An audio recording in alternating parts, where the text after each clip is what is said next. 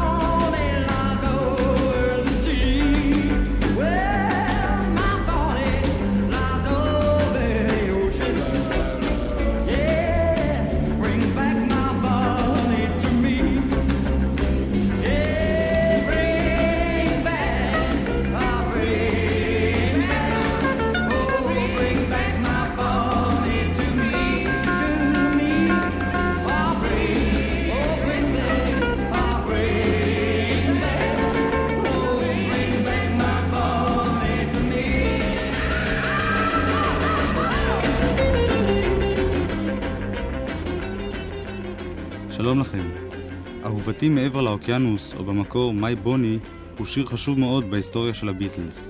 הם אמנם לא שרים כאן, אלא רק מלווים, אך זוהי ההקלטה הראשונה בה השתתפו. בזכות ההקלטה הזו הכירו הביטלס אחר כך את בריין אפשטיין, שהפגישה איתו הפכה אותם ללהקה הידועה ביותר בעולם.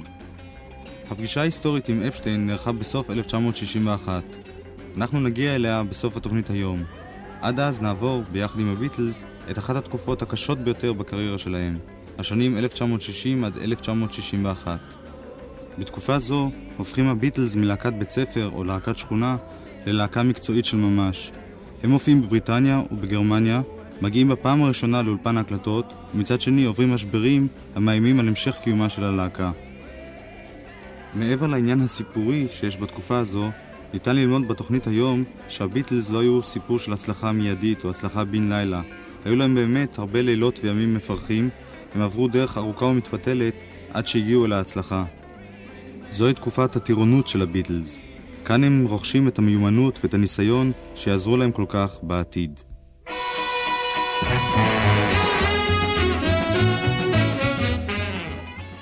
השנה היא 1960. ג'ון לנון, פול מקארטני, ג'ורג' הריסון, פיט בסט וסטו סטקליף נקראים עכשיו חיפושיות הכסף. הם נוסעים להופעות בהמבורג שבגרמניה. זה הביקור הראשון שלהם מתוך חמישה בעיר בה למדו שכדי להצליח בעולם הבידור צריך להילחם קשה, קשה מאוד. בהמבורג מפתחים החיפושיות לעתיד את צורת ההופעה המיוחדת שלהם. אגב, ההקלטות שנשמע בתוכנית היום, ההקלטות בהופעות חיות, הוקלטו בהמבורג בתנאים דומים מאוד להופעות של הביטלס בתקופה שאנחנו מדברים, הם הוקלטו מספר חודשים לאחר מכן, אבל אפשר ללמוד מהם על הופעת הביטלס אז, על השירים שהם שרו אז, ועל האווירה במועדונים בה הופיעו.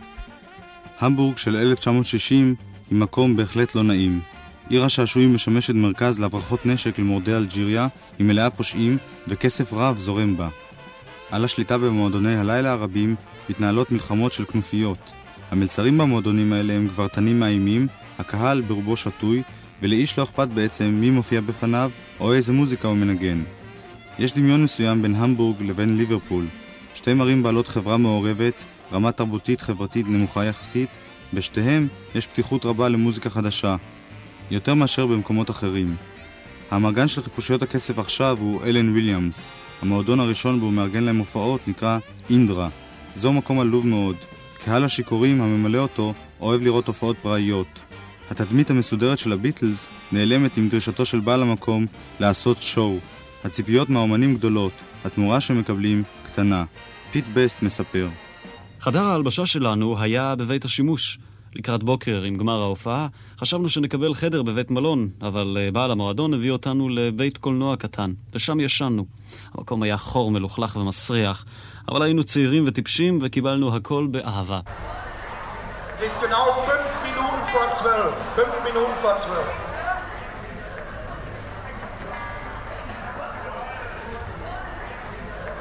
Und wann ich im Stag oder den Stars aus Liverpool mit dem Bild.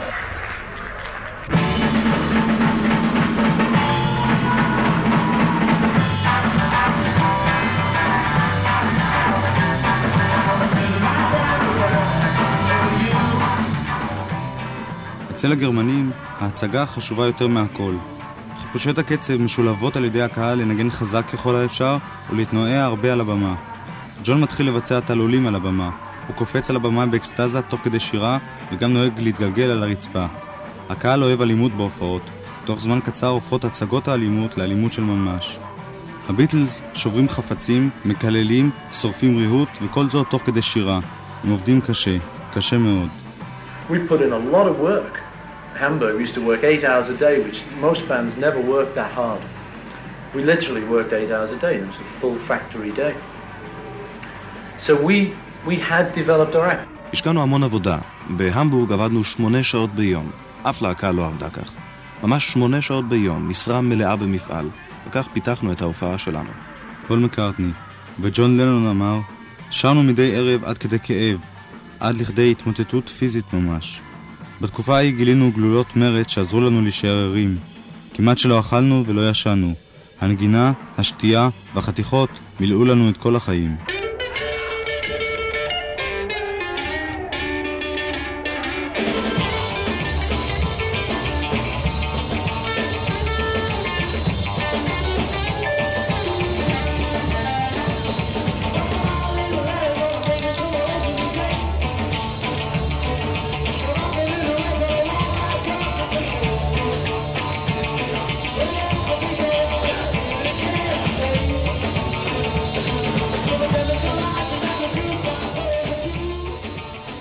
באותו מועדון בו מופיעה להקת החיפושיות, מופיעה גם להקה בריטית אחרת, להקתו של רורי סטורם.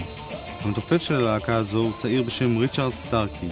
בעוד שנתיים יצטרף ריצ'רד סטארקי לחיפושיות, כינויו אז יהיה רינגו סטאר. מעט מאוד אזרחים מכובדים מעזים להתקרב למועדונים מהסוג בו מופיעות חיפושיות הכסף. בין המעטים שבאים ונדלקים, קלאוס פורמן ואיסטריד קירשר. השניים משחקים תפקיד חשוב בשלב זה בקריירה של הביטלס.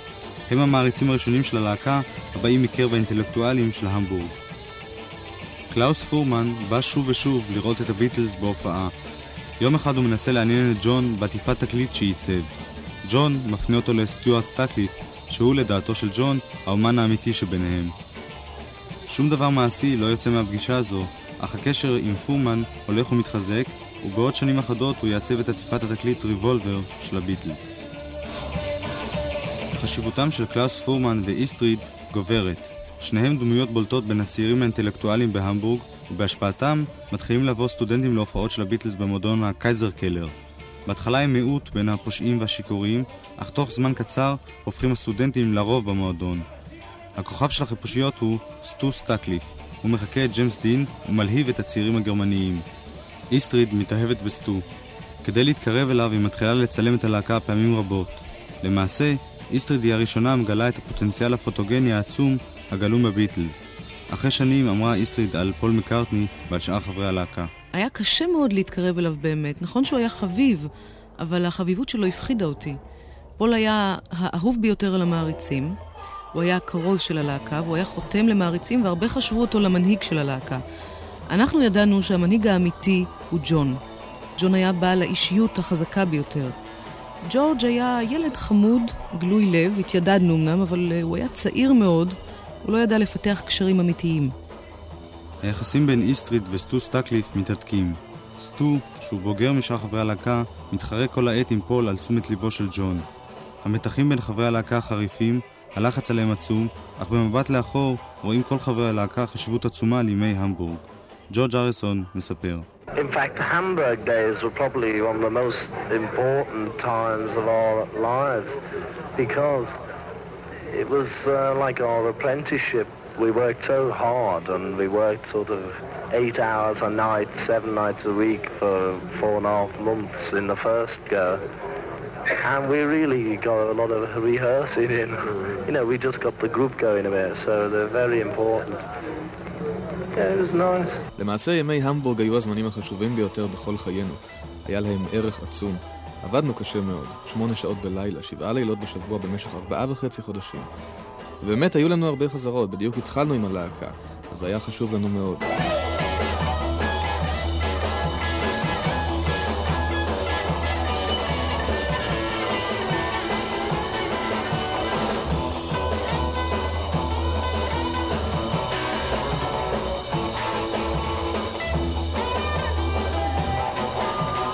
קשה להבין מהו בעצם הבסיס לקשר העמוק שבין חמשת הפרחחים מליברפול ובין קבוצת האינטלקטואלים הצעירים מהמבורג.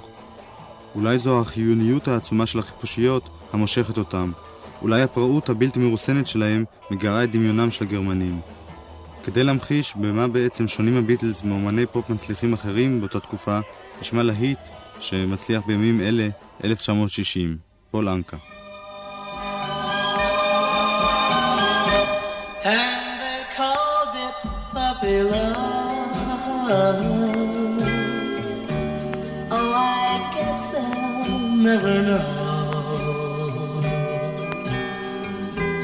how a young heart really feels and why I love her so.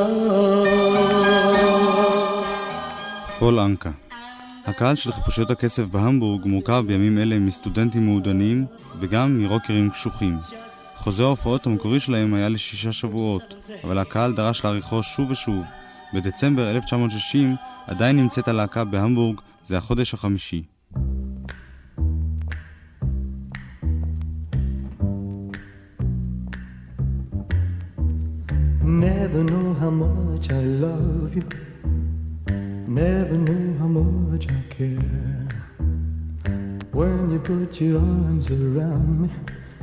Get a fever that's so hard to bear. You give me fever. When you kiss me, fever when you hold me tight. Fever in the morning, fever all through the night. בחודש זה, דצמבר 1960, מתקיימת אולי ההקלטה הראשונה של הביטלס. אין פרטים מדויקים לגבי הסיפור שאני הולך לספר לכם עכשיו, אבל בחלק מהספרים העוקבים אחרי הביטלס מצוינים הפרטים הבאים. ג'ון לנון, פול מקארטני, סטיוארט סטקליף וג'ורג' הריסון מסכימים ללוות זמר אלמוני בשם וולי. פיט בסט, המתופף שלהם, לא יכול להגיע להקלטה. כמחליף, מנגן מתופף של להקת רורי סטורם, ריצ'רד סטארקי, הלו הוא רינגו סטאר.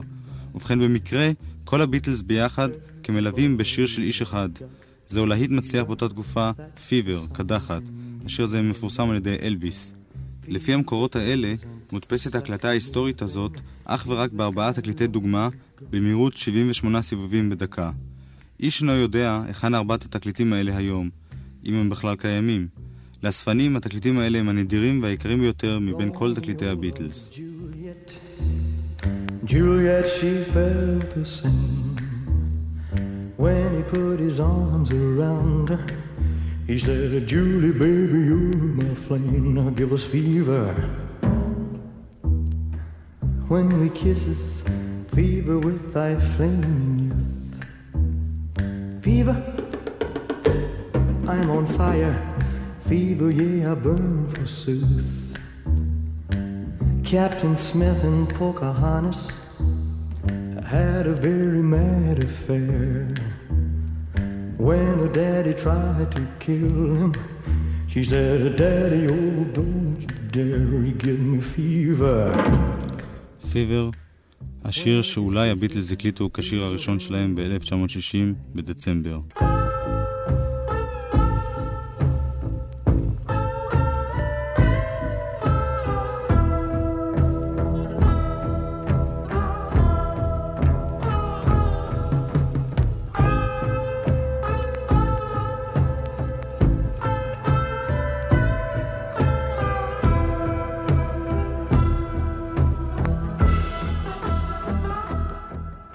סוף 1960.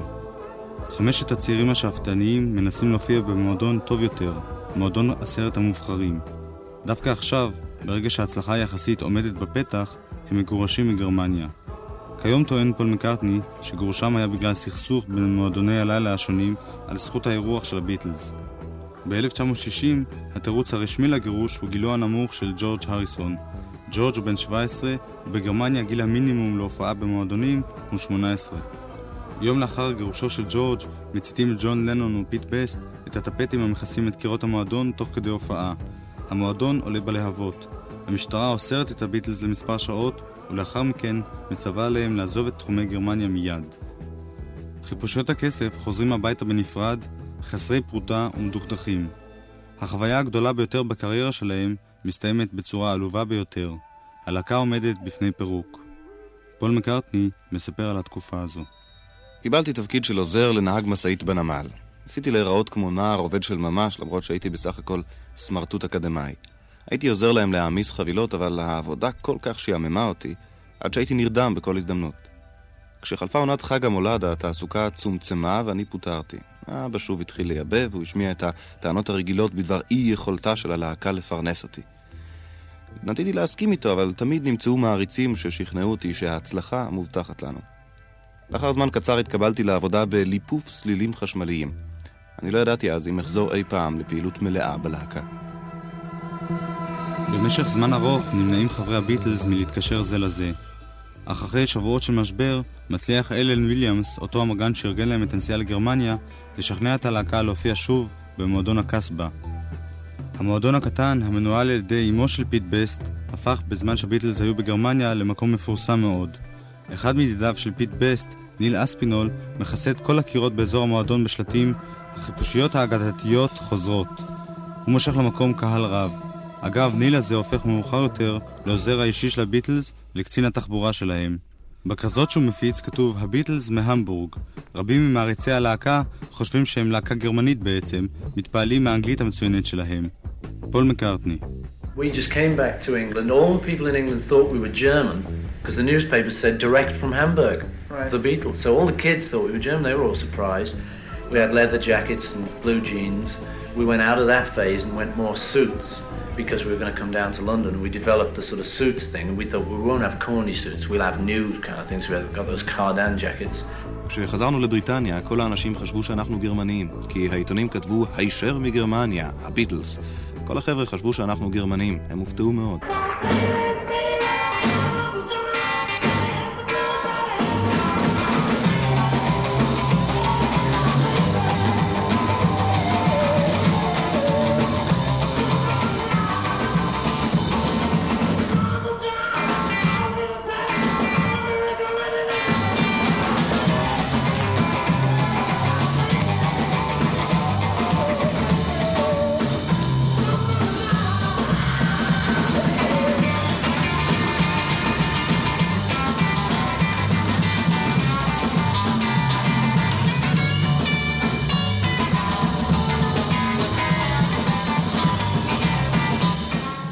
מספר הופעות בקסבה, מצליחים הביטלס להגיע להופעה באולם המכובד ביותר בקריירה שלהם עד כה, בית התרבות של ליתרלנד. ההופעה הזו, ב-27 בדצמבר 1960, היא נקודת מפנה. זהו הקהל הגדול ביותר הרואה אותם, כאן מתחוללת ההתפרעות הראשונה תוך כדי הופעה, וכאן זוכים הביטלס בשכר הגבוה ביותר עד כה, 6 לירות סטרלינג. הביטלס נפטרים מהדימוי של להקת שכונה או להקת בית ספר. הם הופכים ללהקה המצליחה והמדוברת ביותר בליברפול. ג'ון לנון מסכם. באותן הופעות בליטרלנד יצאנו מהקליפה שלנו. פתאום קיבלנו תגובות קהל נהדרות, וגילינו שאנחנו מפורסמים. רק אז התחלנו להאמין באמת שאנחנו טובים. עד הנסיעה להמבורג חששנו שאנחנו לא מספיק מיוחדים. ההופעות האלה בליברפול שינו את הכל בשבילנו.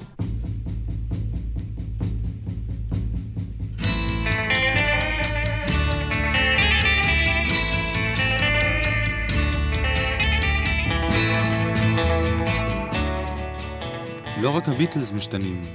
בזמן שהם נוסעים להמבורג וחזרה, משתנים דברים גם בבריטניה עצמה. בעולם המוזיקה הבריטי שולטת להקה אחת, הצלליות, The Shadows. הפאש, שאנחנו שומעים ברקע, הוא הלהיט המצליח ביותר בבריטניה. כולם מחקים את השדוז, גם בלבוש, חליפות שמרניות, עניבות, נעליים מבריקות, וגם בסגנון ההופעה, הכל מאורגן ומרוסן. הלהקות מופיעות בצעדי ריקוד קטנים, על הפנים חיוכים של ילדים טובים. הביטלס שונים, מהפכניים. לעומת השדורס הם מפחידים ממש. הם מתפרעים בהופעות, צורכים ומשתוללים, וגם מעיזים לקלל את הקהל. בניגוד למוזיקה הנחמדה של השדוז, הביטלס מנגנים רוקנרול סוער. למאזינים שלהם יש שתי אפשרויות, או לאטום את האוזניים ולהימלט, או להצטרף להופעה באופן מוחלט. רוב הצעירים שבאים להופעות של הביטלס בוחרים בדרך השנייה. הטיפוסים הקשוחים האלה, המהווים את הקהל של הביטלס, מזדהים מאוד עם הכוח שמקרינה הלהקה. הקהל משתולל וצורח ממש כמו הלהקה עצמה. ג'ון לנון מספר. הכל השתנה אצלנו בזכות המבורג. שם התפתחנו באמת. היינו צריכים להלום בגרמנים במשך 12 שעות ביום ולא לוותר. אם היינו נשארים בבית, לא היינו מתפתחים בכלל. בהמבורג לא היה לנו את מי לחכות. היינו חייבים להמציא גימיקים חדשים בהופעות כל הזמן. הגרמנים אהבו את ההצגות ולא היה חשוב להם מה אנחנו מנגנים, העיקר שזה יהיה חזק ורועש. רק כשחזרנו לליברפול התברר לנו איזה מהפכה עברה עלינו, כי שם עדיין ניגנו כל האחרים את הזבל של קליף ריצ'רד והצלליות. זבל או לא זבל, הנה קטע שמחברים ג'ורג' הריסון וג'ון לנון אחרי זמן קצר. הקטע נקרא Cry for a Shadow בחיל הצל. האם זה לא מזכיר מעט את הזבל של קליף ריצ'רד והצלליות?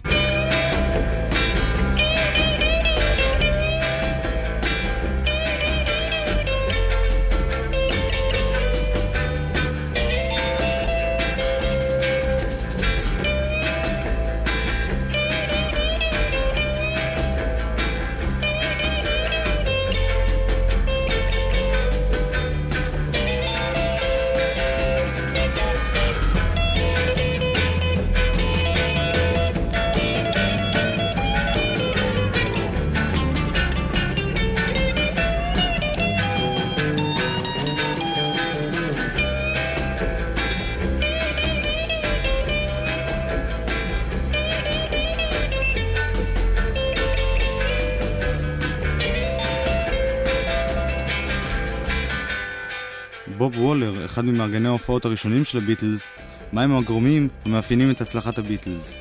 מדוע להקת החיפושיות פופולרית כל כך? חברי הלהקה החיו את הרוקנרול המקורי, אשר שורשיו נעוצים במוסיקה של הזמרים הכושים בצפון אמריקה. הם עלו על הבמה בתקופה בה סורס הבידור על ידי אנשים מסוגו של קליף ריצ'רד, תקופה שבה נעלם הדחף ששלהב את הרגשות. החיפושיות הם החומר ממנו נוצרות צווחות התפעלות. הם סיפקו התרגשות שמיעתית ופיזית, אשר סימלה את מרד הנעורים. ההופעה שלהם מבוססת על קולות, ואין בה כמעט קטעים אינסטרומנטליים. חברי הלהקה עצמאיים ומנגנים בחופשיות. הם מרשימים מבחינה מוזיקלית ומגנטיים מבחינה פיזית. ההופעה שלהם היא שורה של שיאים מראשיתה ועד סופה. הם יוצרים פולחן אישיות. אין להם אמביציות, הם נעים מביטחון עצמי מוגזם לחוסר ביטחון מוחלט. החיפושיות הם אחד הפלאים הגדולים של תקופתנו, וקשה להניח שפלא זה יופיע שוב.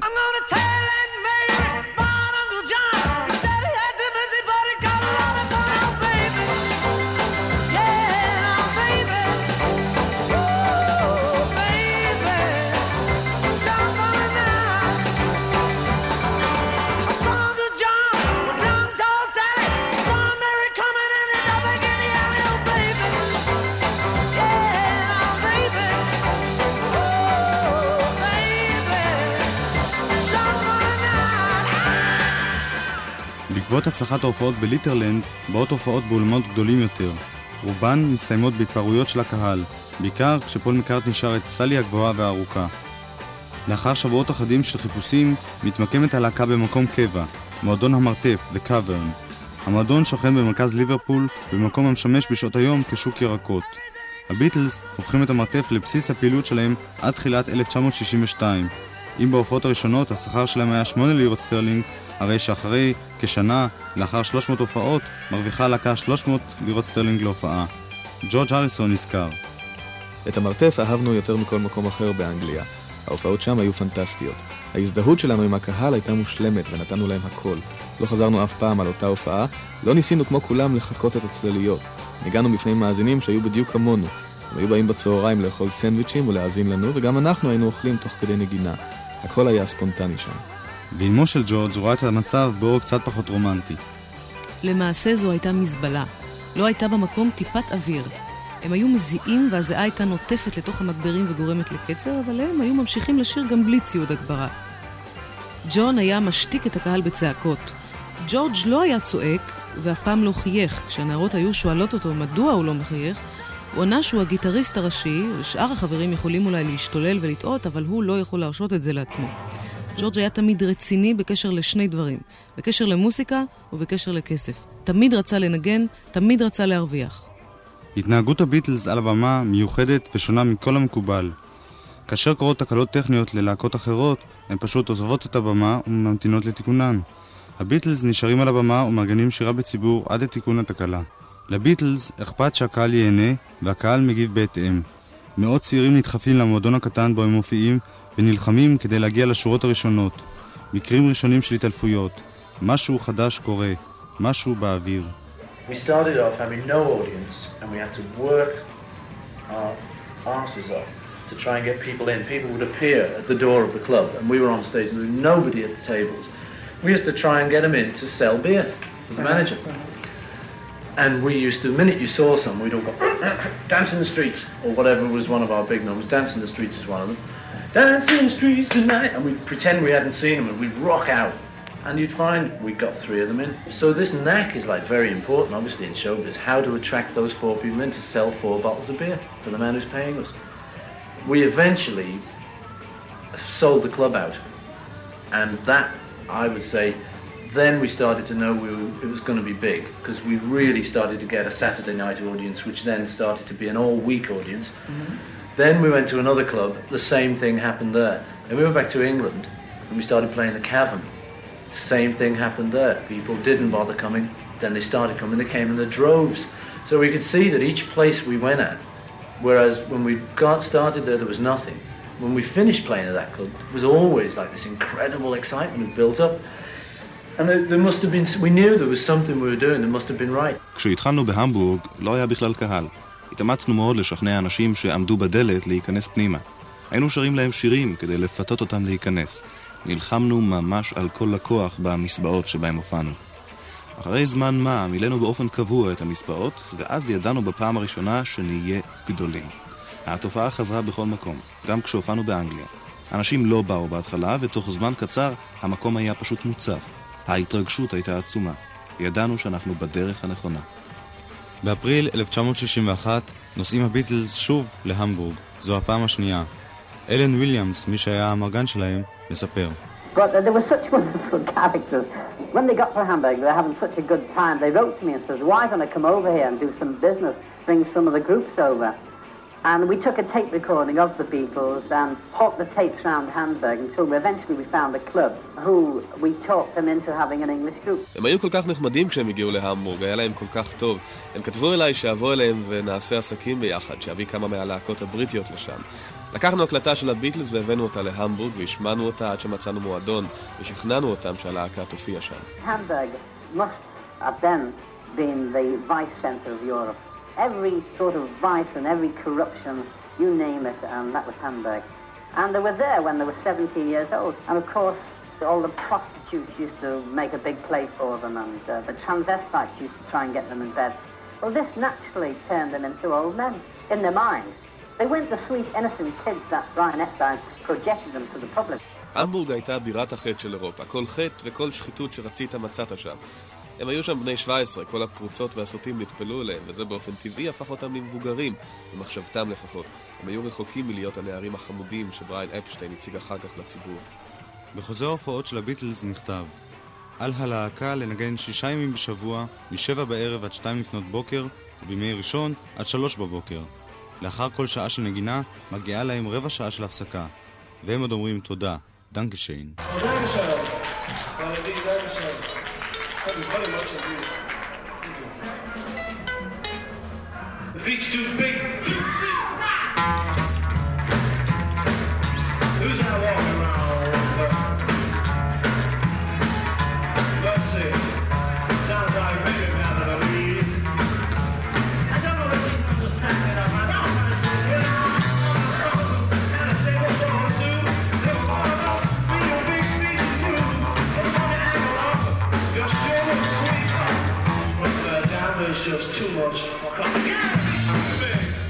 הביטלס, סיבוב הופעות שני בהמבורג. בתקופה הזו נוצרת תספורת החיפושיות המפורסמת, שהפכה אחר כך לאופנתית בבריטניה ובעולם כולו. פול מקארטני מנסה לשחזר. Now, if I go back on the haircut thing, I know it was actually because we saw some guy in Hamburg whose hair we liked. We, John and I were hitchhiking to Paris. We asked him to cut our hair like he did his. He didn't do it quite the same as his, and it, it fell down in a Beatles cut. His was actually more like this, coming over to one side. למעשה ראינו איזה בחור בהמבורג שאהבנו את התספורת שלו. אחר כך הוא היה בפריס, וג'ון ואני נסענו בטרמפים לפריס, וביקשנו שיעצב את שערנו כמו את שלו. הוא לא עשה את זה בדיוק, השיער שלו היה מונח הצידה, ושלנו סתם נפל קדימה. פרט לתספורת, הניב המסע הזה של הביטלס לגרמניה תוצאה אחרת בלתי צפויה. הביטלס מגיעים בפעם הראשונה בחייהם אל אולפן ההקלטות.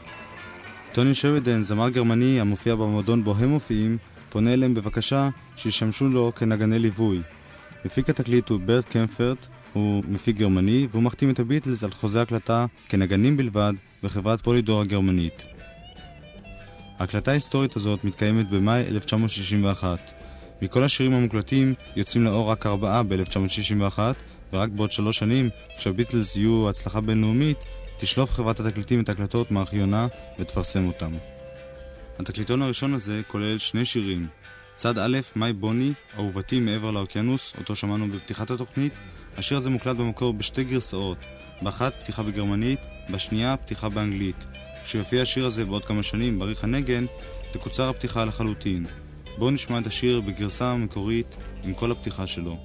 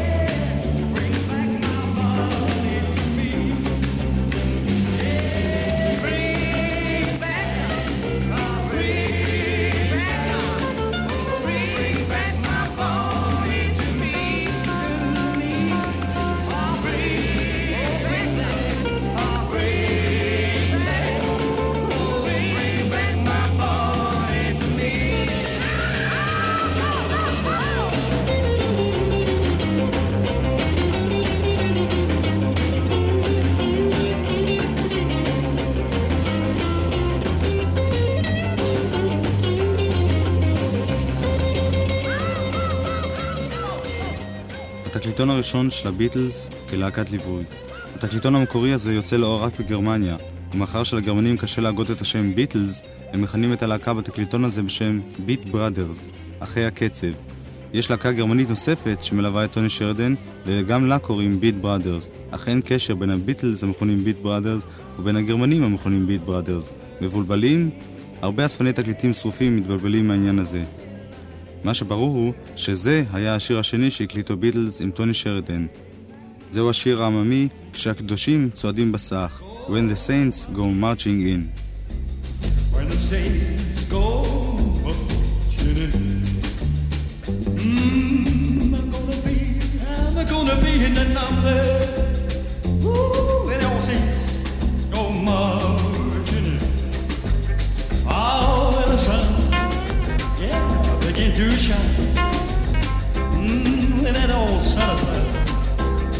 future shine. I tell you something, I'm not gonna be. I'm not gonna be in that number. Oh, when the sun begins to shine. Yeah.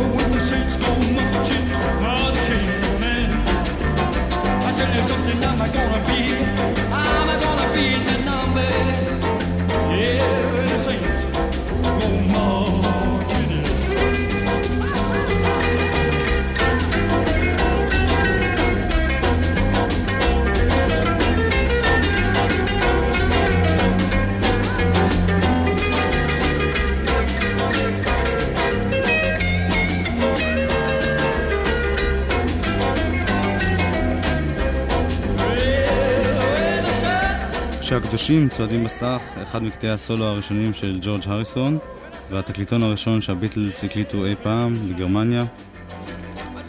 בספטמבר 1961 יוצא לאור תקליטון ובו ארבעה שירים שכבר את רובם שמענו My Bonnie, When the Saints ו-Cry for a Shadow וגם שיר שכתב טוני שרידן עצמו בשם וואי.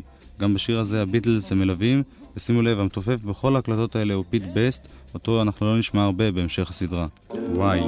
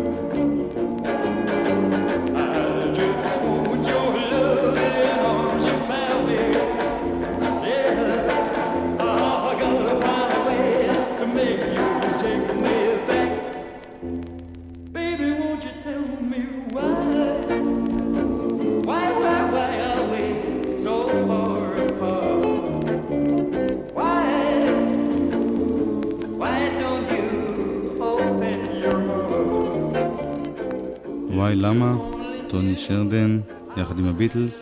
כפי שציינתי קודם, מקליטים הביטלס באותו סשן היסטורי ב-1961 עוד מספר שירים. שלושה מהם, קנזס סיטי, Some Other Guy, Rock and Roll Music, לא יצאו לאור לעולם. אך מספר שירים אחרים יצאו לאור ב-1964 בעריך נגן שהופיע בשמות שונים, בין השאר The Savage Young Beatles, החיפושיות הצעירות והפראיות, או The First and the Best, הראשונים והכי טובים, או טוני שרווידן והביטלס. היו עוד הרבה שמות, ואנחנו נשמע עכשיו עוד ארבעה קטעים מבין ההקלטות האלה. השיר הבא הוא השיר הראשון בו ניתן את זכות השירה לאחד מחברי הביטלס, ג'ון לנון. האני מתוקה, אין שי סוויט. Oh,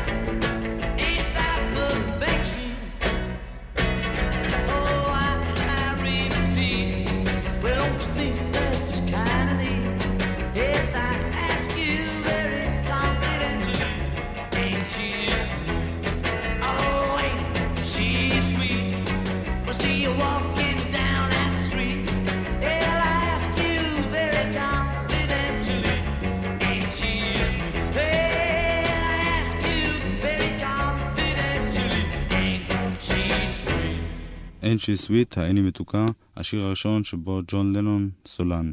בשיר הבא שוב הסולן הוא טוני שווידן, אנחנו נשמע קטע ממנו.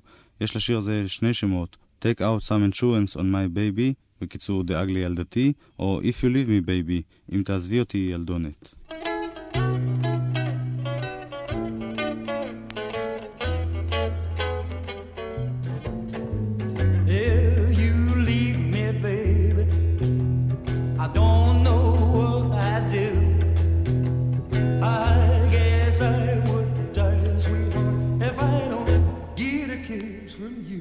Take out some insurance on me, baby.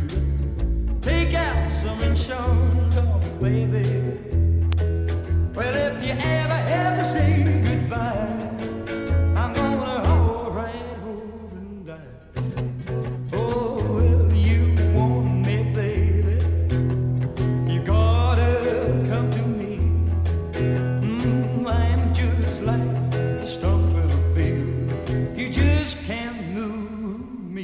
Take out some insurance on me, baby. Ooh, some insurance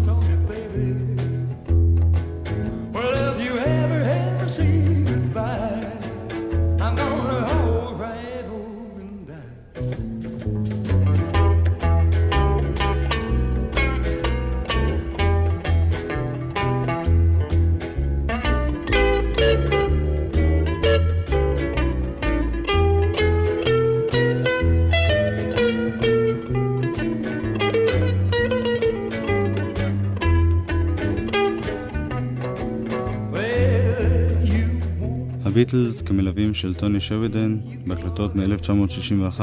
את השיר הבא כתב טוני שווידן עצמו, הוא נקרא Nobody's Child.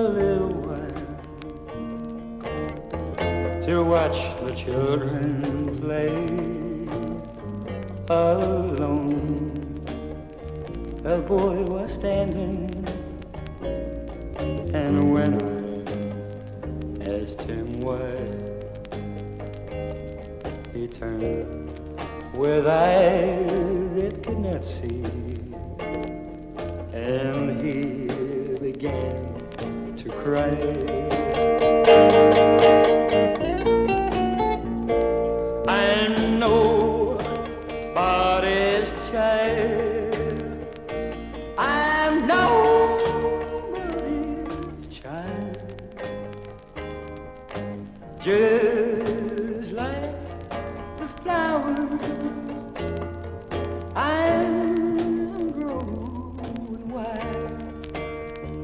I got no mama's kisses. Nobody's Child, הילד של אף אחד, טוני שווידן. השיר הזה הוקלט בשתי גרסאות שונות, אנחנו היום נסתפק באחת, את השנייה נשמיע בתוכנית שתוקדש כולה להקלטות נדירות. גם השיר הבא הוקלט בשתי גרסאות על ידי טוני שרידן. השיר הוא Sweet Georgia Brown, ג'ורג'ה בראון המתוקה. בגרסה המקורית של הביטלס וטוני שרידן מ-1961 שר שרידן את המילים המקוריות של השיר. אחרי שהביטלס הצליחו, הוא הוציא גרסה מחודשת לשיר, השתמש באותו פלייבק, כלומר באותה הקלטה של רקע שהביטלס שרים ומנגנים, אבל הוא מרכיב מילים חדשות. כאן הוא גם שר על הביטלס ועל הסערות שלהם. Well, let me tell you, well, no chick mate could be the same as sweet Georgia Brown. Crazy feet that dance and eat has sweet Georgia Brown. Fellas sigh and even cry for sweet Georgia Brown. I'll tell you just why. You know I don't lie. Oh, it's been said she knocks dead in any old town. Since she came, why, it's a shame how she brings them down. In Liverpool, she even dared to criticize the Beatles' hair with their whole fan club standing there. I mean, sweet Georgia Brown. All right.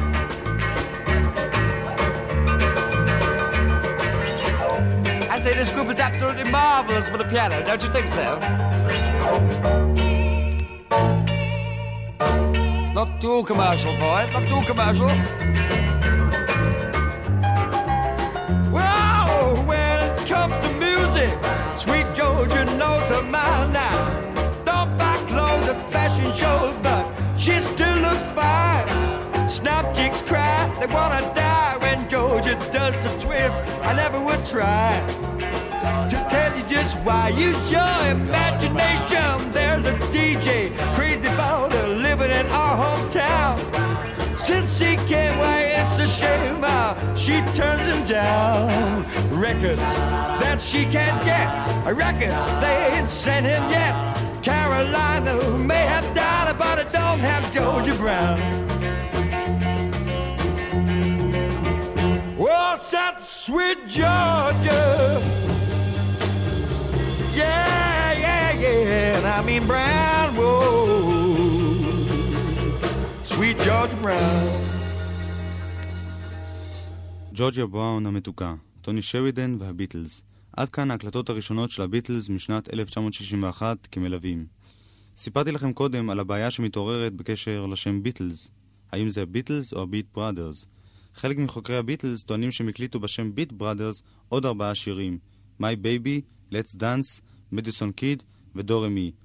אחרים טוענים שאין שום קשר בין הביט בראדרס שהקליטו את השירים האלה ובין הביטלס. את כל השירים האלה נשמיע בתוכנית אחרת, תוכנית שתוקדש כולה להקלטות נדירות. היום נשמע רק קטע מתוך דורמי, ונסו לזהות האם אלה הביטלס או סתם להקה אחרת באותו שם.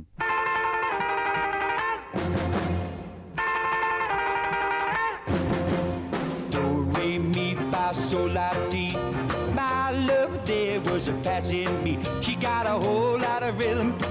she walks, and I can hear music when she talks.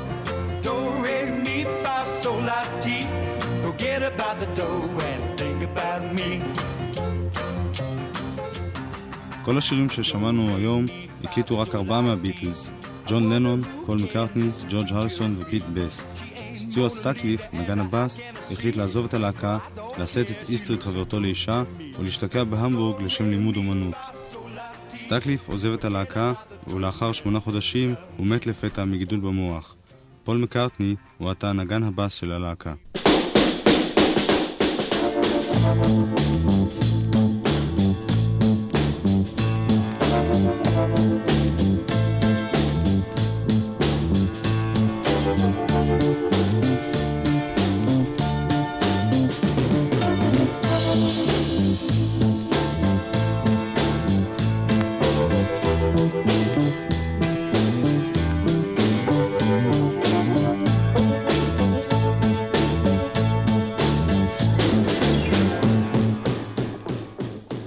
a guitar to go out to Hamburg, which is called a Ro- Rossetti Lucky Seven. It was like one of the one of the worst ever made. It was just a hunk of plywood with a pickup on it, but it was it looked good, and that was the whole thing then. So I got to Hamburg and played for a while just as a guitar player, and just played guitar. We used to have three guitars. It was John, me, and George, and we used to say to people, "We don't need a drummer. The rhythms in the guitars, man." When they used to book us, you know, we'd, they'd say, "I haven't got a drummer." Said, the rhythms in the guitar. So we we went there and we had a drummer then, and then we had Stu on bass. Stu decided he wanted to stay in Hamburg, and my guitar by that time had fallen apart. It eventually got smashed, you know, in a pre-Townsend Fury, uh, one night, and I used to sort of just put piece it together and then plug it in with like not plug it in rather, just play it unplugged in. And then I got I, it eventually just fell apart. I just could. There's no way I could even pretend to use it anymore. So I turned to the piano because like that was the only instrument left for me. So I had a little spell of just playing piano. Which time I kind of learned quite a little bit. You know, learned my way a little bit around piano. And then eventually Stuart, who was our bass player, was going to uh, stay in Hamburg, and so there was there was a kind of changeover, and he like handed over to me, and he lent me his bass, and I had to play that upside down because he didn't want the strings turned over and messed around too much. So I was playing bass upside down. הייתה לי גיטרה כשנסענו להמבורג, גיטרה איומה, אבל היא נראתה טוב, וזה מה שהיה חשוב אז. נסענו להמבורג ואני הייתי גיטריסט. למען האמת היו לנו שלושה גיטריסטים, אני, ג'ורג' וג'ון. היינו נוהגים לומר שאנחנו לא צריכים מתופף. אחר כך היה לנו מתופף, וסטו סטקליף ניגן בבאס. באותו זמן הגיטרה שלי התפרקה לחתיכות. הייתי מרכיב אותה איכשהו מנגן, עד שיום אחד היא נהרסה לגמרי, ולא יכולתי להשתמש בה עוד. אז ניגנתי תקופה מסוימת בפסנתר, כי זה היה הכלי היחיד שנשאר לי. וסטו, מתי שהוא החליט לעזוב את הלהקה ולהישאר בהמבורג, היו שינויים בה, והוא העביר לי את הבאס. הייתי מנגן בו הפוך, כיוון שסטו לא רצה שאני אשנה את סדר המיתרים. יולי 1961 ארבעת חברי הביטלס חוזרים לליברפול. העיר שונה. פולחן הקצב כבש את העיר בעת שהותם של הביטלס בגרמניה, אך כשהם חוזרים, זה לא עוזר להם. אמנם הקהל שלהם גדל בהתמדה, אך הם אינם מצליחים לחרוג מהסטטוס של להקה מקומית. הלהקה אינה מצליחה להתקדם ברצינות. הם מלגלגים על אמרגנים שונים המנסים ליצור איתם קשר, ומנתקים גם את היחסים עם אמרגנם הראשון, אלן ויליאמס. רוב הזמן שלהם מוקדש להופעות, ואת החופשות הקצרות הם מבלים בטיולים ובהאזנה לתקליטים בחנות התקליטים של בריין אפשטיין, אותו הם עדיין לא מכירים. מצב הרוח של הביטלס הולך ומידרדר. הם מרירים ומרגישים שאין טעם בהקדשת כל כך הרבה זמן ומרץ ללהקה. ואז מתרחש המפנה. ב-28 באוקטובר 1961 נכנס צעיר לחנות התקליטים של בריין אפשטיין. הוא מבקש תקליט "מיי בוני" של הביטלס. אפשטיין לא מכיר את התקליט או את הלהקה, הוא מבטיח לברר פרטים. תוך זמן קצר, אפשטיין אכן יברר פרטים. ייתכן שסיפור זה שייך למיתולוגיה שנוצרה סביב הביטלס, אולם מה שקרה לאחר המפגש בין הביטלס ובריין אפשטיין שייך כבר באמת להיסטוריה של המאה ה-20.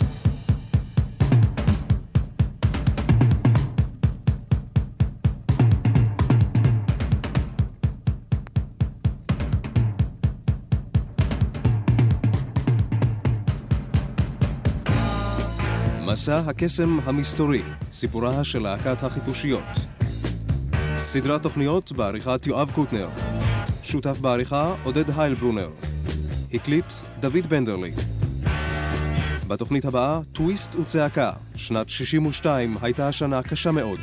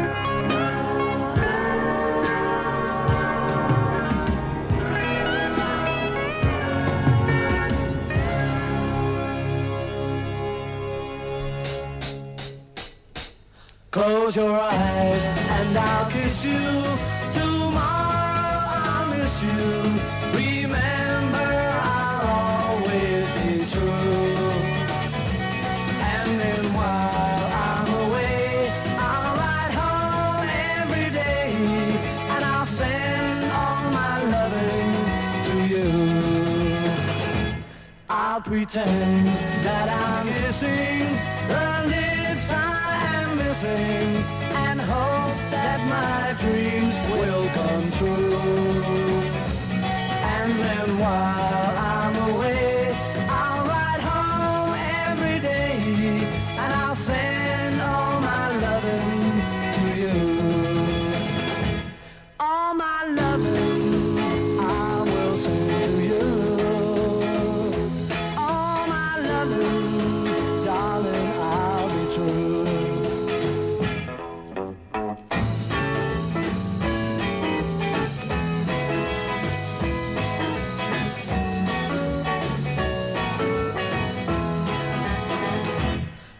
Close your